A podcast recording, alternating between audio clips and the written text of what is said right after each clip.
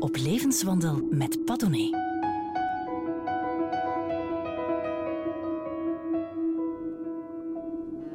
Auteur Jan Brokke heeft iets met Rusland. Hm, dat is een understatement. Eigenlijk had hij in Rusland willen geboren worden. Het zou me ongetwijfeld veel ellende hebben bezorgd, schrijft hij. Maar je wordt als Rus hoe dan ook opgenomen in iets groots, iets tragisch in de Russische literatuur en de Russische muziek. En ook zijn nieuwste boek, De Rechtvaardig, hoe kan het ook anders, is toch weer Rusland ingeslopen. Over hoe een Nederlandse consul duizenden Joden redde. Dag Jan Blokker, zit je op een, zit je op een berg of zit je op een, in een dal? Uh, op het ogenblik zit ik uh, op een berg. ja, uh, dat komt omdat De Rechtvaardige is verschenen. Het boek is gereed en het was a hell of a job. Het was een ongelooflijk moeilijk boek om te maken, omdat het uh, uitzwaaiert over uh, allerlei continenten. Het begint in, uh, in Litouwen, het gaat de Sovjet-Unie door 1940. ja, die vluchtelingen die gingen vervolgens naar Japan toe. En van Japan gingen ze naar Shanghai toe. dus in al die plaatsen heb ik onderzoek gedaan. Vele interviews? Veel interviews, veel archiefonderzoek. Um, ik ben met de kinderen van de hoofdpersoon, de Nederlandse consul Jan Zwartendijk. Met beide kinderen ben ik naar Litouwen gegaan. Ik heb alle plekken met hen bezocht. De oudste dochter van uh, Jan Zwartendijk uh, was toen uh, eh, 89 jaar en heeft het allemaal meegemaakt wat daar gebeurd is in 1940 als meisje van 13. Kortom, veel, veel onderzoek, veel onderzoek. En om dat dan te, te, te ja, ik had echt twintig cahiers vol met aantekeningen. Cahiers van, van uh, twee tot 300 pagina's met aantekeningen. Maar je zou denken, na al die jaren moet je dat toch gewoon zijn ondertussen? Nee, ieder nieuw boek is... Uh, je moet helemaal weer onder in het dal beginnen... en dan langzaam die, die berg op. En altijd weer afzien? Altijd is het weer Ieder boek heeft zijn eigen problemen. Ieder boek is, is, is toch weer een nieuwe reis. En je begint, ja, je kunt zeggen, je hebt zoveel ervaring. Maar ja, soms moet je gewoon, ja, stuit je op iets van. Ik wil hier meer over weten. Ik, ik wil weten hoe het precies zat. En, en, um, en ik weet nog niet genoeg. En dat is. Um, en nou, uiteindelijk dan uh, zoeken, zoeken, zoeken. En uiteindelijk heb je dan al dat materiaal. En dan moet je het in een spannend verhaal zien onder te brengen. Gaat het... Spannend in die zin dat je bladzijde na bladzijde. Um, uh, dat je verder wil lezen. ja, dat is de bedoeling inderdaad. Ja. Dat je de lezer bij het nekvel grijpt. Is dat, gaat dat gepaard uh, met, met opnieuw ook weer telkens die vraag: waarom doe ik het eigenlijk allemaal? Nou, dit boek was voor mij wel heel erg duidelijk uh, dat het geschreven moest worden. Het is ongelooflijk dat deze geschiedenis 75 jaar lang uh, niet bekend is geworden. We gaan het even voor de luisteraars thuis uh, recapituleren. Hè? Je hebt een Nederlandse consul. Die man heet Jan Zwartendijk, is eigenlijk bekend als uh, meneer Radio Philips. Ja, hij was directeur van Philips in Litouwen en hij was honorair consul. Ja, in Kaunas. Ehm, dat is in Litouwen, hoofdstad Vilnius, maar dus de regering zit in Kaunas. Uh, even de, de, context schetsen. Je hebt een, uh, het Molotov-Ribbentrop-act uh, tussen Hitler en, en, Stalin. Rusland, Stalin, die annexeert de Baltische Staten, alle drie. Ja. Um, daar zitten we, 1940. Um, massale deportatie. En Zwartendijk, onvoorstelbaar, die sluit eigenlijk een combine met de Japanse gezant Sugihara. Ja.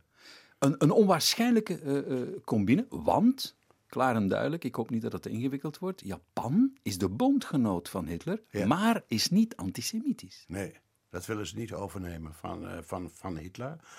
Uh, maar dat was in 1940 niet duidelijk. Dat was niet duidelijk. Dat is pas later is dat uh, naar voren gekomen. Uh, was dus toch wel een verrassing dat de Japanse consul wilde meewerken. En hij heeft er ook wel voor moeten betalen. Hij is na de oorlog ontslagen als consul. Hij was een beroepsconsul. En, en ja, dit, zij hebben samen gereageerd, Zwartendijk en Sugihara, op een, een noodsituatie. Er kwamen op plotseling duizenden en duizenden Joodse vluchtelingen uit Polen. Want Polen was op 1 september 1939, Nazi-Duitsland was daar binnengevallen. En was direct begonnen met het uh, uh, inrichten van ghetto's.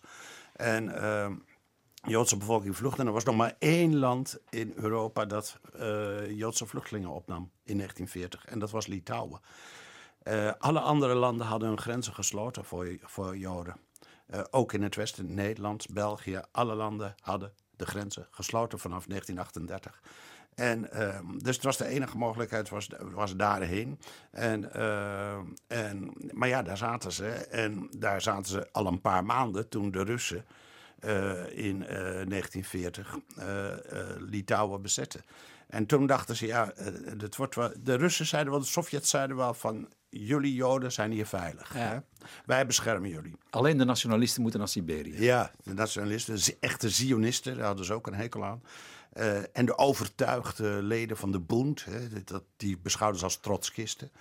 Maar kijk, zeg maar de doorsnede vluchteling, die, die, uh, die zei ze, nou ja, uh, maak je geen zorgen. Maar de Joodse bevolking maakte zich wel zorgen. De Joodse vluchtelingen maakten zich wel zorgen. Want ze dachten dat pact tussen Hitler en Stalin, dat houdt geen stand.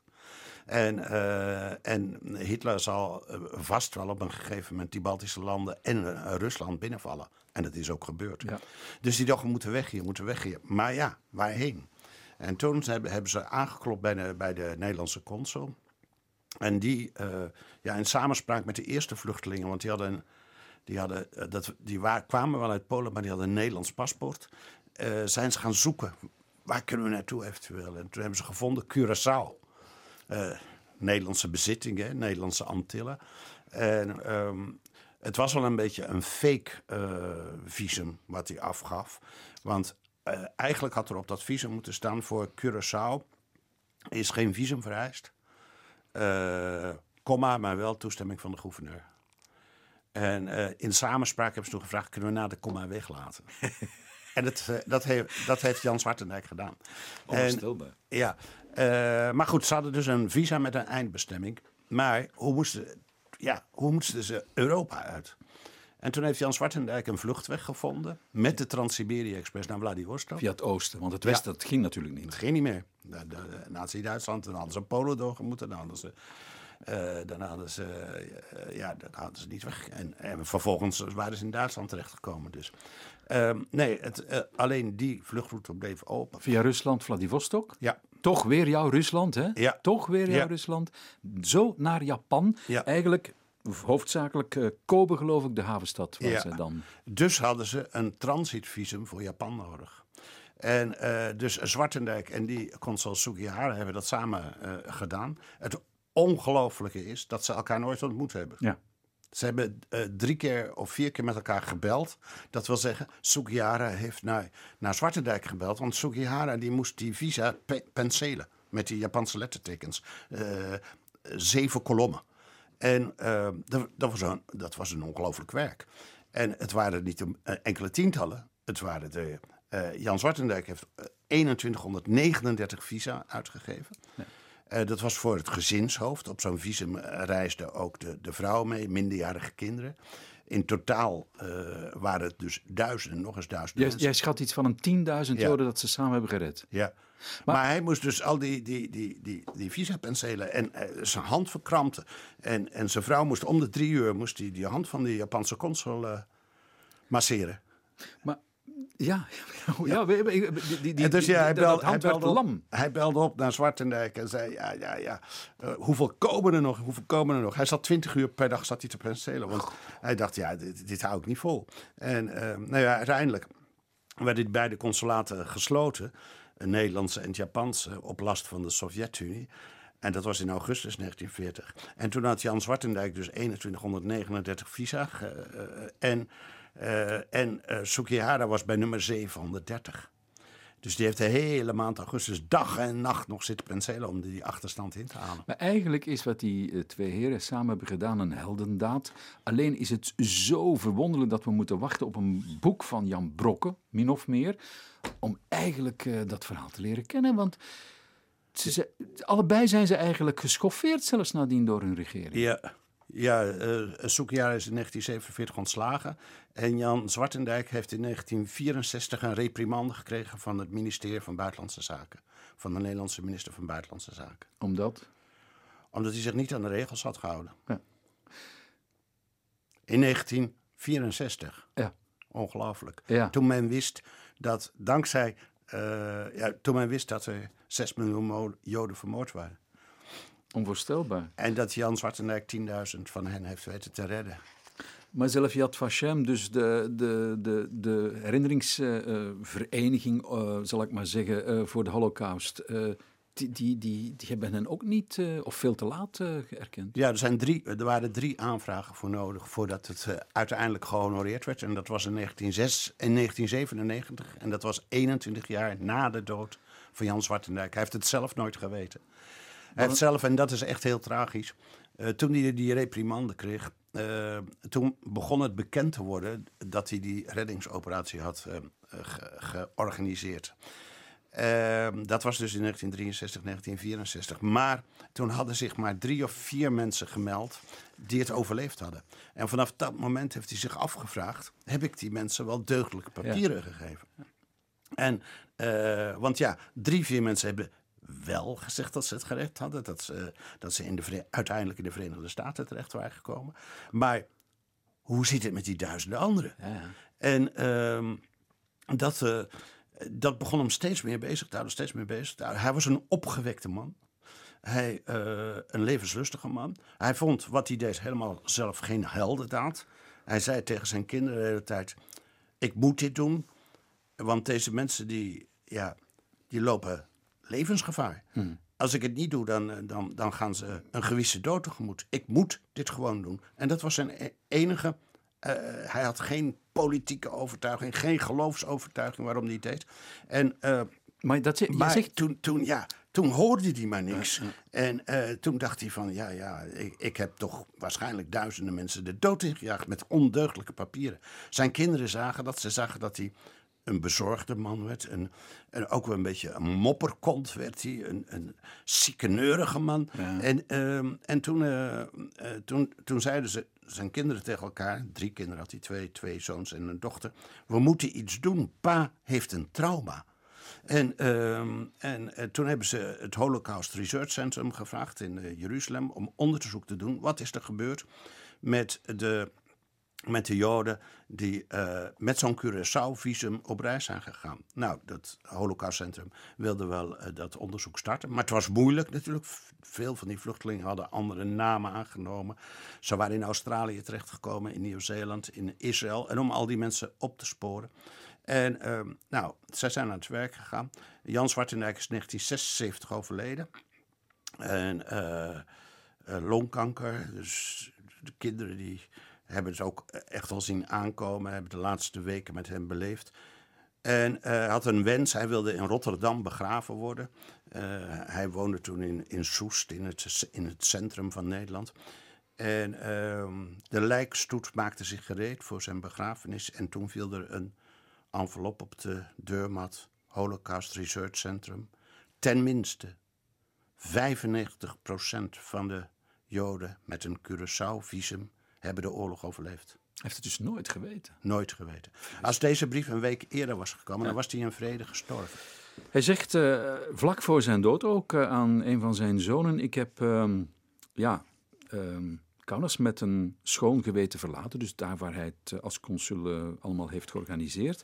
En je schrijft daarover, Jan: Ik kom dat bij alle rechtvaardigen tegen. De wil om werkelijk iets te doen. Ja. Punt. Ja, het is ongelooflijk dat die mensen eh, de, direct tot actie zijn overgegaan. Ze hebben niet overlegd met elkaar. Dus die, die Japanse consul, de Nederlandse consul, maar ook toen die mensen in Japan kwamen, toen was daar een Nederlandse consul in, eh, in Kobe, die ook zich direct heeft ingezet voor het lot van deze mensen. En een Poolse ambassadeur in Tokio van de Poolse regering in ballingschap. Die zat eh, in Londen.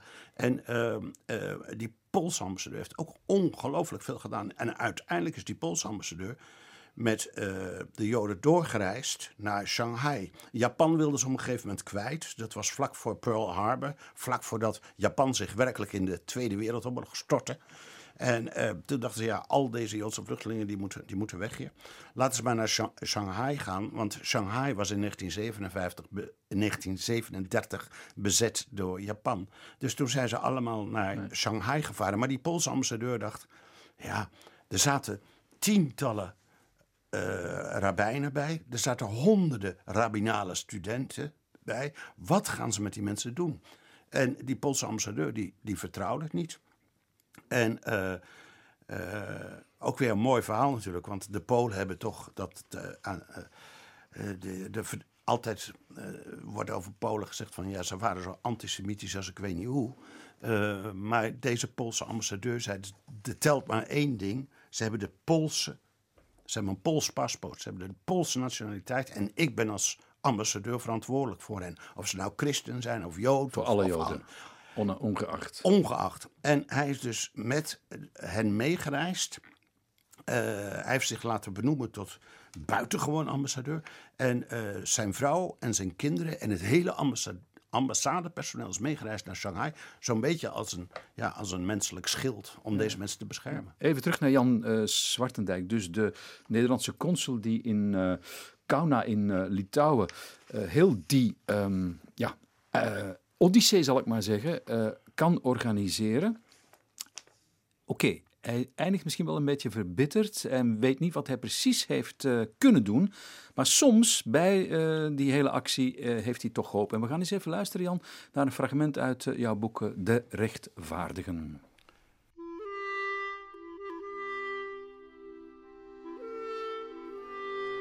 Uw naam en uw nationaliteit, vroeg hij. Mijn naam is Abraham Marber. Ik kom uit Turek, dat in de buurt van Kalisz ligt, in Polen. Ik ben weken onderweg. Ik liep tot ik geen schoenen meer aan mijn voeten had. Ik vervolgde mijn weg met doeken om mijn voeten. Ik werd aangevallen door de lokale bevolking, geslagen, verjaagd. Ik verschool me overdag in de bossen en liep s'nachts verder. Soms in een dorp kreeg ik iets te drinken van een boer of een boerin. Ik voedde me met rauwe aardappels die ik uit de grond klauwde. Ik had bijna niets meer aan mijn lijf toen ik in Vilnius bereikte. Het Litouwse Rode Kruis verstrekte me kleren en gaf me schoenen. In Vilnius hoorde ik over Mr. Radio Philips en over de Japanse consul. Toen ben ik in vijf dagen naar Kaunas gelopen. Hij vertelde het met een ijzige stem die de dadruk legde op ieder woord. Toen Zwartendijk hem zijn paspoort overhandigde met daarin het visum voor Curaçao, zei Abraham Marber: Danke zeer, Herr Consul. Ich weiß, ich werde überleben. Jan Brokke las uit zijn eigen roman De Rechtvaardige over eh, Jan Zwartendijk, Mr. Radio Phillips, die ervoor zou zorgen dat er uh, ja, om en bij de 10.000 Joden kunnen gered worden. Jan, um, ja. Het blijft ongelooflijk, hè? Want Schindler is zo'n zo ja, precies, ja. figuur. Schindler's List. Schindler heeft tussen de 1000 en 1500 uh, uh, Joden gered. En ja, die zaten eigenlijk al, de meeste van hen zaten al in Auschwitz. Die heeft hij er, eruit gehaald. Dit, wat ik het ongelooflijke vind, is dat Jan Zwartendijk deze actie begonnen is in 1940. Toen waren de vernietigingskampen nog niet ingericht. Maar toch voorzag hij al van deze mensen, die gaan een gewisse dood tegemoet. En um, dat is ongelooflijk aan het verhaal. En ik, ik ben ook echt gaan zoeken. Wat maakt iemand een goed mens? Ja. Ja ik, ja, ik heb veel over slechte mensen geschreven in ja. de vorige boeken. Um, wat, wat maakt iemand een goed mens, Jan Brokken? Ja, dat was dus het onderzoek. Dat, daar, daar wilde ik een antwoord Ben je hebben. daarachter? Ja. Is... Ja, ik denk het wel. Ik, want ik zie hetzelfde patroon bij, bij Zwartendijk, bij Sukihara en ook bij, bij de, de, de, de, Poolse ambassadeur. Zij vonden dat ze deze mensen moesten helpen. Vanuit het gevoel, als wij het niet doen, dan redden ze het niet. Uh, dat is je eigen verantwoordelijkheid nemen. En er zijn duizenden en duizenden mensen geweest die iets hadden kunnen doen in die Tweede Wereldoorlog. En die hebben hun verantwoordelijkheid niet genomen. Een goed mens is iemand die op het beslissende moment zijn verantwoordelijkheid neemt. Bent u een goed mens? Nou, ik heb in de eerste zin van het boek gezegd, geschreven. Ik ben er nog niet zo zeker van dat ik in dezelfde situatie dezelfde beslissing had genomen. En dezelfde moed en koelbloedigheid aan de dag had gelegd. De man was getrouwd, had drie kinderen. Hij heeft ook absoluut met zijn kinderen doorgesproken. Jongens, we nemen een groot risico. Hij wist dat het op risico van zijn eigen leven was. En van zijn kinderen. En, En van zijn, vrouw. vrouw. En zijn vrouw, juist. Op een gegeven moment heeft hij zijn kinderen eh, eh, laten onderduiken in, eh, in Litouwen. Hij heeft ze 100 kilometer buiten Kaunas gebracht bij een boer. Want hij dacht, dit, dit gaat verkeerd aflopen. In ieder geval dat twee van de kinderen te overleven. Het derde kind was nog te klein. Maar een goed mens is ook een mens die zich... is, is iemand die zich informeert. Eh, en dat heb ik ook sterk bij, bij, eh bij eh, Zwartenek gezien. Zijn vrienden waren journalisten. Zijn, zijn oudste zus, die een beetje zijn moeder voor hem was, was een bekende journalist van de Nieuwe Rotterdamse Courant. Ehm, eh, hij heeft jaren in Praag gewerkt. En zijn beste vriend was daar een Joodse journalist. Die perfect op de hoogte was van de situatie in eh, Oost-Europa. Goede mensen informeren zich, Jan Brokke. Ja, en de meeste mensen die. Dan eh, ken ik zeg maar, dan ken ik heel veel slechte mensen vandaag, hoor. Ja, dat klopt. Dat klopt. En dat komt omdat ze zich niet informeren. Omdat ze wegkijken. Omdat ze zeggen, ik weet het wel. Omdat ze niet zien wat er werkelijk aan de hand is. Monen van Lambert Hendricks en Ross. Dat is een eh, trio, Amerikaans trio. Jan, je kent ze niet. Nee, Nee, is niet. Verrassing voor me. En, en ik ken een hoop muziek hoor. I know, I know. Dus Maar ik, moet toch iets dat- laten horen. Ik denk dat- je, Apat, dat je me wilde verrassen. Ja, ik denk het wel. enfin, over die eh, Lambert Hendricks en Ross eh, zegt eh, bijvoorbeeld eh, een van de fenomenale jazzcritici, Leonard Feather, eh, ja, de James Joyce of Jive. Dat wil toch wel iets zeggen? En El Giro, die nooit verlegen zit om een eh, overdrijving, die noemt eh, hen the best jazz singers on the planet. Maybe that's ever been. Dat kan toch moeilijk anders dan dat je nu even naar adem moet snakken. En als dat niet zo is, ja bon, het zij zo. Ik ga luisteren. Every morning find me moaning Yes, Lord. Cause of all the trouble I see Yes, Lord. Life's a losing gamble to me Yes, Lord. Cares and woes have got me moaning Yes, Lord. Every evening find me moaning Yes, Lord. I'm alone and crying the blues Yes, Lord. I'm so tired of paying these dues Yes, Lord. Everybody knows I'm moaning Yes, Lord. Lord, I spent plenty of days and nights alone with my grief, alone with my grief. Lord, I pray, really and truly pray, somebody will come Every morning find me moaning Yes, Lord. Cause of all the trouble I see Yes, Lord. Life's a losing gamble to me Yes, Lord. Cares and woes have got me moaning Yes, Lord.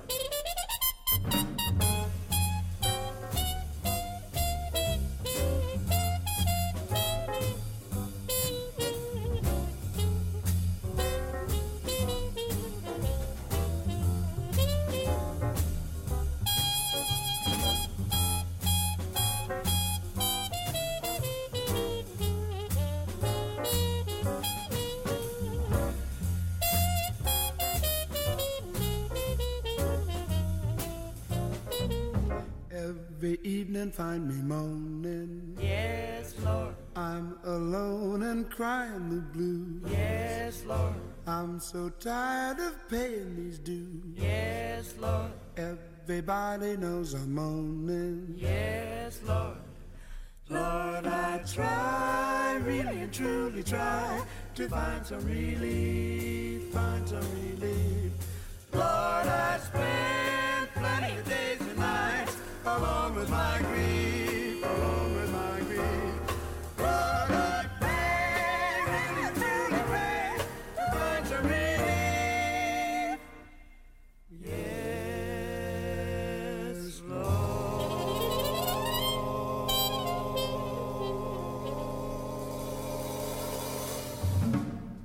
Lambert Hendricks en Ross Morning. Uh, every morning finds me morning. Um, ja, elke ochtend kun je mij jammerend, kreunend, zeurend aantreffen. Een trio heeft het jou behaagd, uh, Jan Brok? Ja, heerlijk lenige stem. Oh, geweldig. Ja. Fantastisch ritme. Heel, heel, heel erg fijn. We zitten in de periode tussen 1957 en 1962. Toen waren zij volop actief. Jan, um, zal ik je even een um, dichtregel citeren van Gerrit uh, Kouwenaar. Van alle maken is doodmaken wel het volmaakste. Heb je een idee voor wie of wat hij dat geschreven heeft? Nee. Dat heeft hij geschreven bij een foto van Sergei Yesenin. Yesenin. Ah. En dat heet, dat gedicht, Le Poète is sur son lit de mort. Ah. Het is een fantastisch gedicht. Ik dacht, ik moet hem dat leren kennen, want jij schrijft in uh, De Gloed van Sint-Petersburg, ja, gloedvol mag ik wel zeggen, over jouw liefde voor Sint-Petersburg, eigenlijk voor Rusland toekoor, waar je ongeneeslijk ziek aan bent. Ja. Zo is het. Um, je ziet daar dus die Sergei Yesenin uh, liggen op zijn doodsbed, 28 december 1925 in het Hotel d'Angleterre in uh, Sint-Petersburg. Um, een, een zwart-wit foto, een bekende foto eigenlijk. Het is een mooie, knappe jonge man die op een bed ligt, een bloemetjesbed. Uh, de fond is zwart, kun je een beetje bij verzinnen. Um, dat, uh, dat is iemand die jou ook fascineert. Ja. Zoals vele Russen. Ja. Nou ja, ik was in dat Hotel d'Angleterre in uh, 2015. Dus ongelooflijk lang nadat hij uh, zelfmoord heeft gepleegd in dat hotel. Uh, in 1925. En hij heeft dat gedaan met een uh, elektriciteitskabel. Die op twee meter hoogte in zijn kamer liep. Over een richel. En ik had een kamer op dezelfde verdieping. Bij toeval hoor. Het is niet dat ik die kamer uitgekozen had. maar ik kwam die kamer binnen. En ik zag, het eerste wat ik zag, was dat, die elektriciteitskabel. Dat snoer. Ja. Ik denk dat, niet dat het nu nog zo is, want ze waren bezig met renoveren. Maar ik zag dat snel. Dat is, toch, dat is toch wel. En ja, dat, dat bed ligt dus onder die richel. Maar hij heeft gewoon dus dat snoer ervan afgehaald. En, uh, en uh, aan dat snoer heeft hij zich opgeknoopt. 30 jaar. Ja. Ja, ik heb, ik heb erover geschreven. Hè. Dat, uh... Ja, misschien even luisteren. Een enorme innerlijke onrust, een chronische ontevredenheid en de angst dat de roem uit zijn jeugd zou wegebben.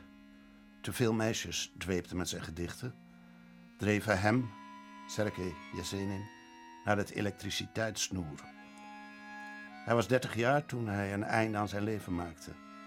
Enkele maanden eerder was hij met een kleindochter van Tolstoy getrouwd. Met Yesenin en met Mayakovsky, die ruim vier jaar later zelfmoord pleegde, verdween het esthetische elan van de revolutie. Vlak voor hij op 28 december, na twee dagen drinken in het hotel, een einde aan zijn leven maakte, schreef Yesenin zijn laatste dichtregels. Vaarwel, mijn vriend. Geen handdruk, geen woord. Treur niet en frons het voorhoofd niet zo droef. In dit leven is sterven niets nieuws. Al is leven natuurlijk niet veel nieuwer. De foto van Yesenin op zijn doodsbed hoef je maar één keer te zien om hem nooit meer te vergeten. Een jongen nog, met verwarde krullen en de mond half open, verbaasd over zijn eigen dood. Jan Brokke over de dood, de zelfmoord van Sergei Yesenin in uh, Sint-Petersburg in het Hotel d'Angleterre. Jan, over Sint-Petersburg schrijf je... Het licht boven Sint-Petersburg is als boven Amsterdam. is een oneindige weerspiegeling in het water, met één verschil. Als er verse sneeuw is gevallen, verdwijnt al het vuile uit de stad, al het ergelijke, al het doffe. Dan krijgt alles een feerieke zachtheid, alsof een hermelijnen mantel, als een deken over de stad is uitgespreid. We zitten in de winter, weinig sneeuw tot nu toe. Romantiseer je dat allemaal niet een beetje? Het is onvoorstelbaar om, uh, om uh, Sint-Petersburg om het te zien gaan sneeuwen daar. Ehm, eh, het is een stad zoals alle steden. Er zitten de vuile kanten aan. Eh, eh, aan de stad zitten ook rafelranden, hoewel het een van de mooiste steden is van de wereld. Omdat die, het centrum is in 30 jaar gebouwd door Italiaanse architecten. Waardoor er een enorme eenheid is. Er zijn weinig steden die zo'n eenheid vormen als Sint-Petersburg. En, ehm, en, maar natuurlijk, die, stad heeft ook zijn, zijn vuile kanten, zijn, zijn, zijn, zijn fabrieken en het verkeer en um, de, de vrachtwagens met en dan gaat het sneeuwen en dan ineens verdwijnt alles onder die sneeuw. En dan is het van een witheid. En dan lijkt het of die stad net is neergezet daar. En uh, alsof het licht wat erop valt, het eerste licht is dat die stad ziet. En uh, door die sneeuw krijgt het natuurlijk, het licht krijgt een weerkaatsing met de bevroren rivier, de Neva, die daar door het midden van die stad stroomt. Het is, het is onbeschrijfelijk mooi. Het is alsof je met je ogen open droomt. en het is dus een hele mantel die daar over die stad uh, ligt. Ja. En daarom ook, niet alleen daarom, keer jij er opnieuw en opnieuw en opnieuw naar terug. Ja, ik ben nu alweer een paar jaar niet geweest. Maar, uh, maar uh, het begint wel weer te tintelen nu, ja. ja. Maar dan is de vraag toch, ligt toch voor de hand, waarom ga je dan niet wonen, jongen?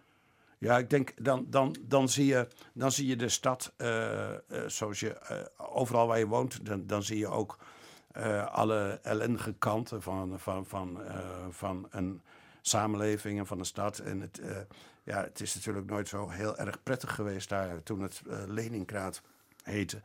Ehm, er is me nogal wat aan geweld en terreur daar gepleegd. En dat was ook heel kenmerkelijk. De eerste keer dat ik in 1975 in Leningrad kwam. Ik, kwam aan. Ik had een hotel uh, wat, uh, wat ietsje buiten het centrum lag. Maar ja, het was mijn eerste keer. Ik was 24 jaar, 25 jaar. En ik dacht, ik moet de Nevsky-prospect zien. Ik moet daar naartoe. Ik had er zoveel over gelezen in al die Russische romans en verhalen. En dus ja, direct daar naartoe. En ik heb daar een, een glaasje Russische champagne gedronken. En, en toen ben ik teruggelopen naar het hotel. En het eerste wat ik zag was uh, een moord. Oh, dat is een mooie Naast, naast de Fontanka, uh, een man die werd, uh, was in elkaar, was met steekwonden. En iemand sleepte hem voort van portiek naar portiek. En ik liep er zo achteraan. En, en ja, verbijsterd eigenlijk dat ik dat. En, uh, uh, en het ging maar door, ging maar door. Het duurde een, een, half uur. En, en weer naar de volgende portiek. En weer naar de volgende portiek. En, en toen op een gegeven moment, uh, in een portiek, stuitte hij op een soldaat. En die begon te rennen. En toen, vijf minuten later, van alle kanten kwamen de politiebusjes, politiemotoren aan. En toen werd, werd het, het lijk weggevoerd. En de man die hem voortsleepte weggevoerd. En ehm, was mijn eerste kennismaking. En u dacht, hier kom ik terug. Nou, ik dacht dat hoort bij die stad. Die stad heeft tegelijkertijd de feerieke schoonheid waar ik het net over had. En die heeft dat voortdurende geweld. Het is de stad van, uh, van twee enorme revoluties, eigenlijk van drie. Want van 1905 uh, Bloedige Zondag in uh, Sint-Petersburg. Dus een van de meest afgrijzelijkste momenten uit de geschiedenis van Rusland geweest. Dus uh, het is een stad die vol geweld zit. en je, je, wordt er ook voortdurend aan herinnerd. hier is Rasputin vermoord. Hier, is, hier stond Anne Akhmatova voor de gevangenis, want haar zoon zat daar vast. De dichteres. De dichteres. Dus de, de, de, alle vormen van geweld, politiek geweld, onderdrukking en zo, je wordt er constant mee geconfronteerd. En tegelijkertijd is het dus van een onwaarschijnlijke schoonheid. En dus yin en yang, uh, dat ja. is iets wat je fascineert, het, het, het donkere en, en het licht. Uh... Absoluut. En dat, het heeft, weinig steden hebben dat in zo'n zo sterke mate als, als uh, Sint-Petersburg.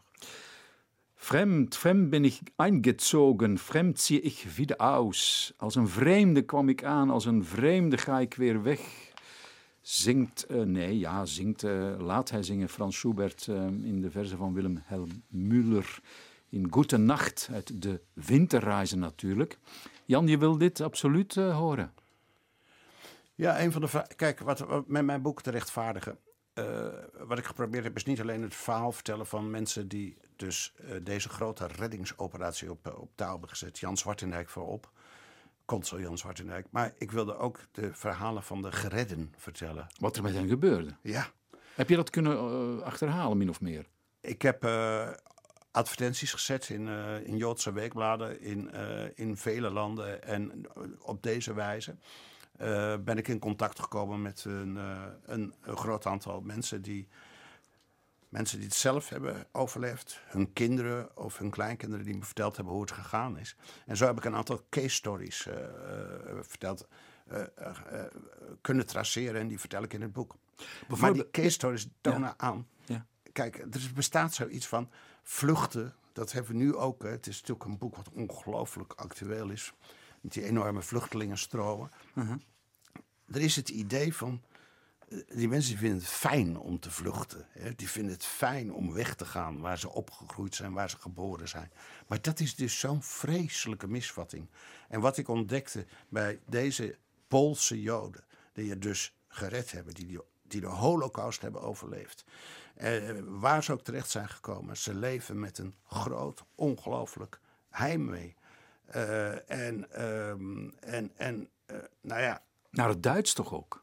ook naar, naar het Jiddisch, naar het Duits. Ik heb een verhaal verteld, dat was dan geen Poolse Jood, maar hij was getrouwd met een Poolse Jodin, maar hij was Leo Adler. Hij kwam uit Zuid-Duitsland en hij zat in Litouwen op een yeshiva, een Talmud hogeschool.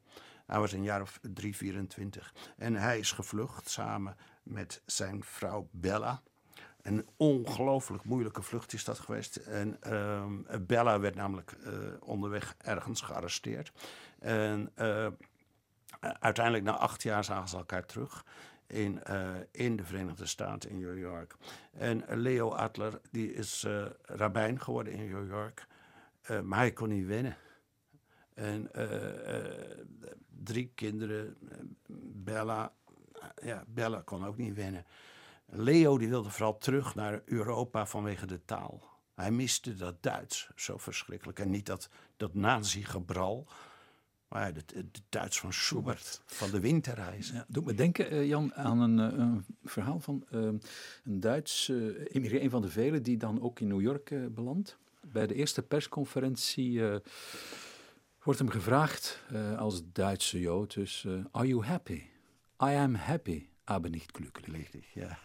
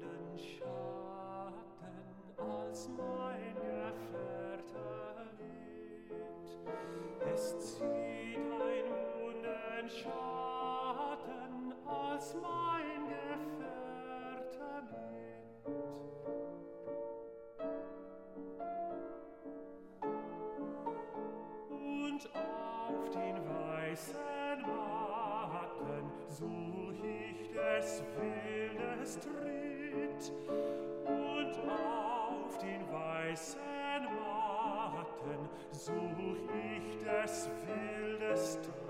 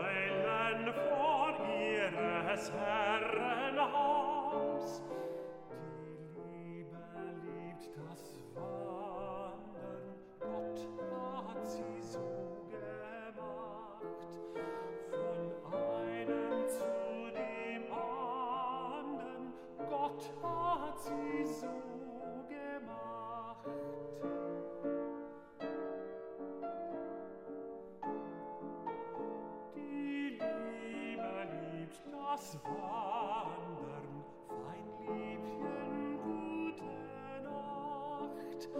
Von einem zu dem anderen, fein Liebchen, gute Nacht.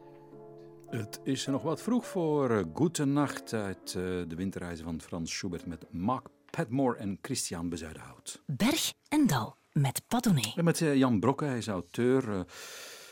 Bijna Rus eigenlijk in eh, hart en nieren. Ehm, Jan, het is eh, zoveel, hè, dat zei ik net eh, terwijl de winterreizen liep. Zoveel met jou, maar we moeten even naar.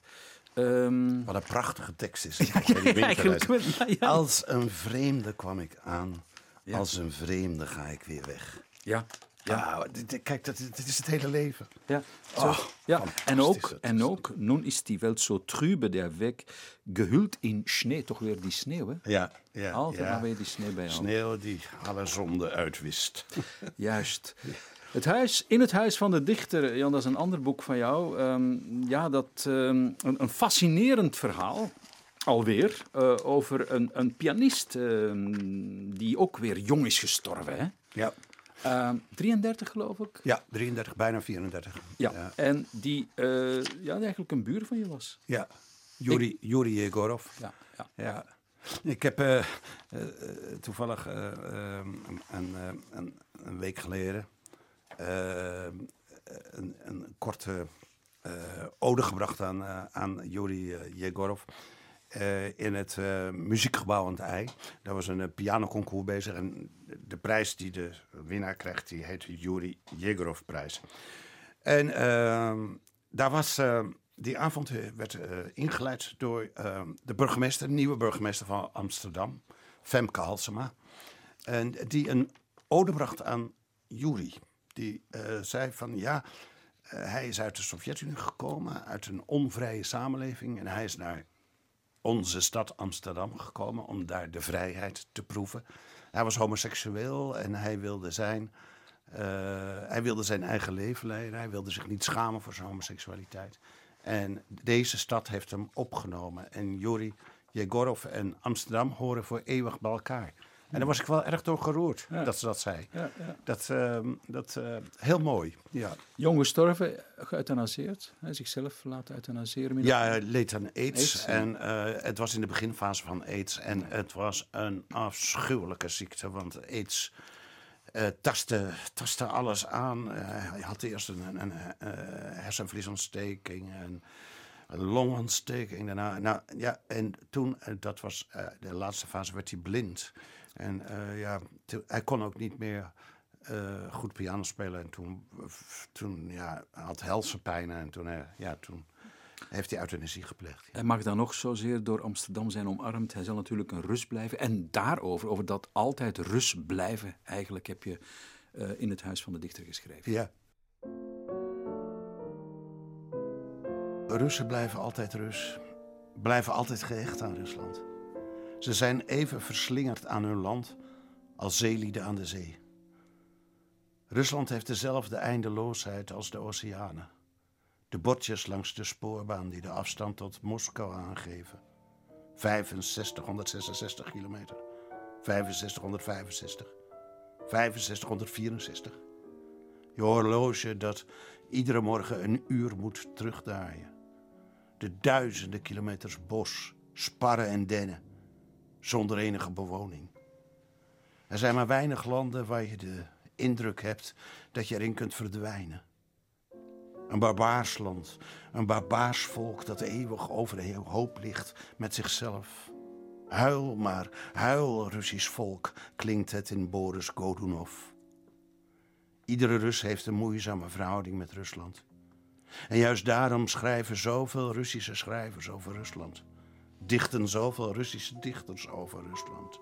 Componeren zoveel Russische componisten Russische muziek. En zoeken zoveel Russische cineasten naar Russische sferen. Geboren worden als Rus geeft je een lot, een bestemming, een vloek en een mysterie mee. Een mysterie dat je aan het eind van je leven nog, nog niet ontrafeld hebt. Geen land maakt er zoveel indruk op als Rusland. De bitterheid van zwarte radijzen kan ik nog proeven alsof ik ze gisteren at op het perron van Omsk. De op houtskool gepofte aardappelen die de vrouwen me op de stations van Siberië verkochten, kan ik nog ruiken. Of de geur van vochtige donkere aarde die uit het land opstijgt wanneer de sneeuw begint te smelten. Ik zei wel eens dat ik in Rusland geboren had willen worden. Het zou me ongetwijfeld veel ellende hebben bezorgd. Maar je wordt als Rus, hoe dan ook, opgenomen in iets groots, iets tragisch. In de Russische literatuur en de Russische muziek vond ik een zeldzame intensiteit. Jan Brokke over de Russen. Jan, je schrijft ook. Het is natuurlijk een land van onverbeterlijke zuiplappen, lanterfanters en beestachtige bruten. Maar zonder die vreedheid zouden de strijkkwartetten van eh, Shostakovich nooit zijn ontstaan. Ja, dat is die vreemde tegenstelling die, eh, of niet vreemd, dat is die tegenstelling die in Rusland zit. Rusland heeft natuurlijk nooit vrijheid gekend, heeft nooit een democratie gekend. Eh, of het nou onder de tsaren was of, of onder de Sovjets of onder Poetin, het maakt eigenlijk niet uit. Er was maar één mogelijkheid dat de Russen zich ja, konden uiten en dat was in de kunst. Vandaar eh, eh, de vrijheid, die vind je in de literatuur, in de poëzie, in de muziek, eh, in het theater, in het ballet. Ehm, eh, eh, die, die tegenkracht die de cultuur, die de kunsten waren in, in Rusland, die maakte dat ze zo groot werden. Want de Russen hadden niks anders. Ja. Ze hadden geen vrije pers. Ze hadden niet in latere jaren geen vrije radio of vrije televisie. Maar die Dmitri Shostakovich, hoe tragisch. Die man, schrijf je, wachtte iedere avond om tien uur op een langzaam naderende, donkerronkende Wolga. Zijn koffertje voor Siberië stond klaar, gevuld door zijn vrouw.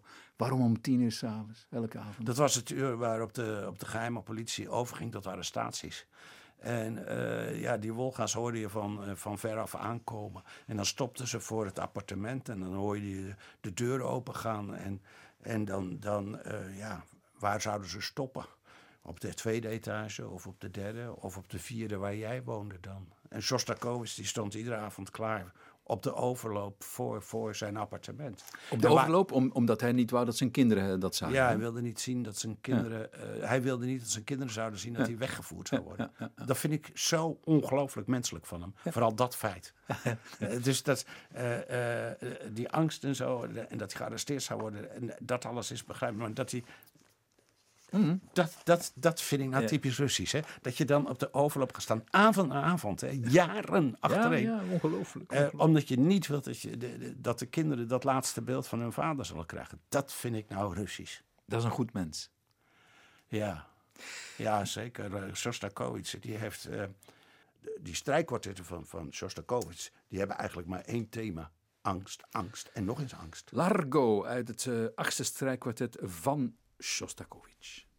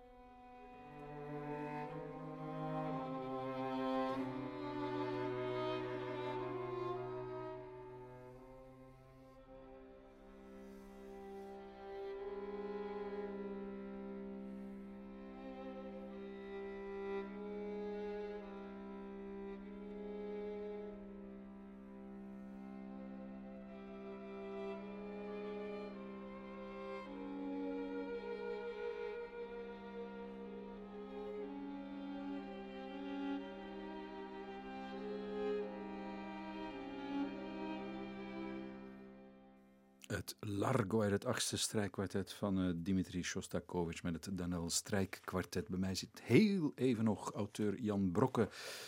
Jan, wat is jouw credo? Uh, ja, dat sluit mooi aan bij deze, bij deze muziek eigenlijk. Want dit heeft Shostakovich in, in Dresden gecomponeerd toen hij in Dresden was. In 1960. En toen was die hele stad nog totaal verwoest. kapot verwoest. En hij zat daar naar die treurige puinhopen te kijken. Toen heeft hij dit geschreven. En dat sluit mooi aan bij mijn credo. Dat is ook het, uh, ja, dat, uh, het motto van mijn uh, laatste boek, De Rechtvaardige. Dat is een dichtregel van Huldelin. Ach, töten kunt ihr, aber nicht lebendig machen. Ach, doden, doden kunnen jullie, maar niet levend maken.